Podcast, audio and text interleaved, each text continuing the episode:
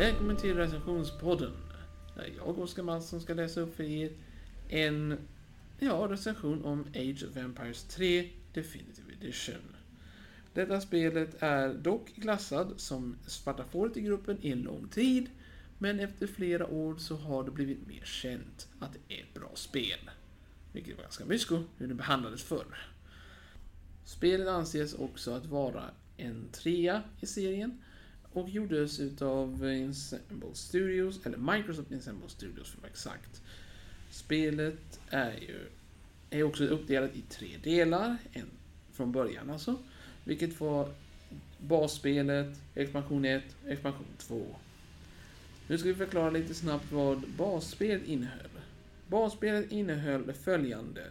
Tre storydelar och en massa olika faktioner som innehöll inom Europa, vissa faktioner som innehöll med i USA och vissa andra småländer runt om.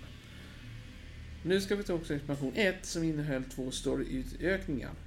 de egentligen de här handlar emellan uppdragen, eller snarare storyna, som hände i de första basspelet. Dessa tre, eller två, storydelar utspelar sig genom att de följer personer som nämns, eller har nämnts, i basspelets story. I expansion 2 följer vi tre stående stories, det vill säga, ja, det är inte ihopkopplat med basspelet eller expansion 1, men det hänger ihop i historia. Vi har till exempel Japan, Indien och Kina, till skillnad från de andra spelen som innehåller med andra faktioner som är ökända i dessa stories. De tre storydelarna följer myter och legender i expansion 2. Som till exempel Japans inbördeskrig som hade med shogunet. Denna stridigheten ledde till många fall och en förödande känsla. Indien dock hade med eh, om den stora tiden av revolution. Det vill säga tiden då det fanns inte någon som helst kontroll över Indien utav indiska folket, utan var utav Britannien som styrde som koloni.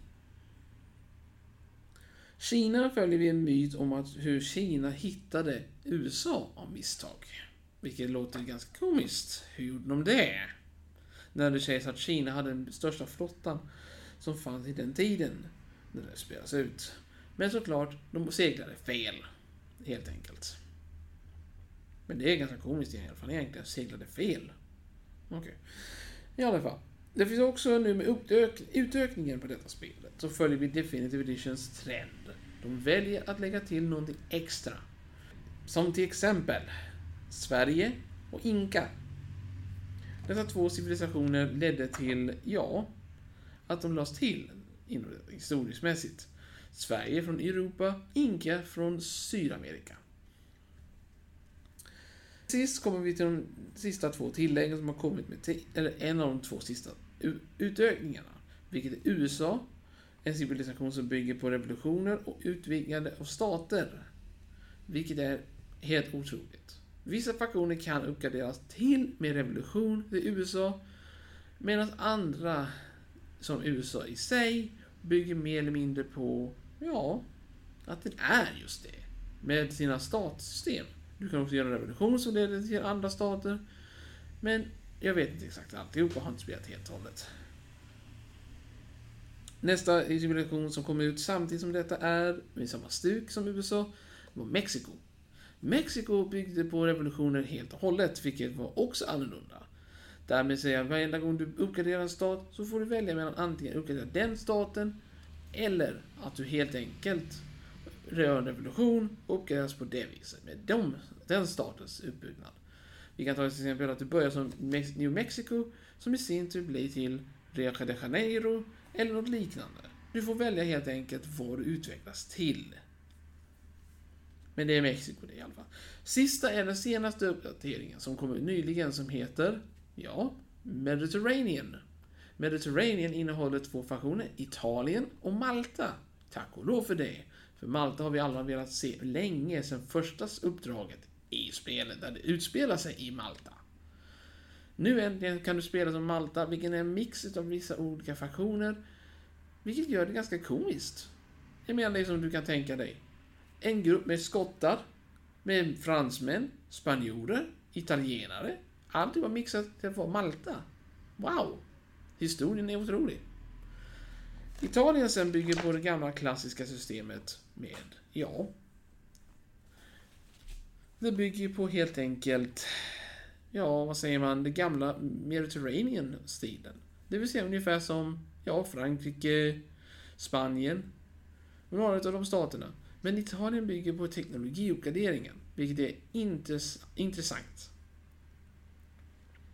Som till exempel, du kan nu automatiskt bygga hus med en arkitekt, vilket är nytt. Men arkitekten tar längre tid och kostar mer material. Nej, vänta inte, det kostar inget material menar jag. Men i sin tur leder det till, ja, att du får en byggnad gratis. Men det tar längre tid. Till exempel, du bygger en marknad. Den kommer ta, jag tror det var hälften så extra lång tid.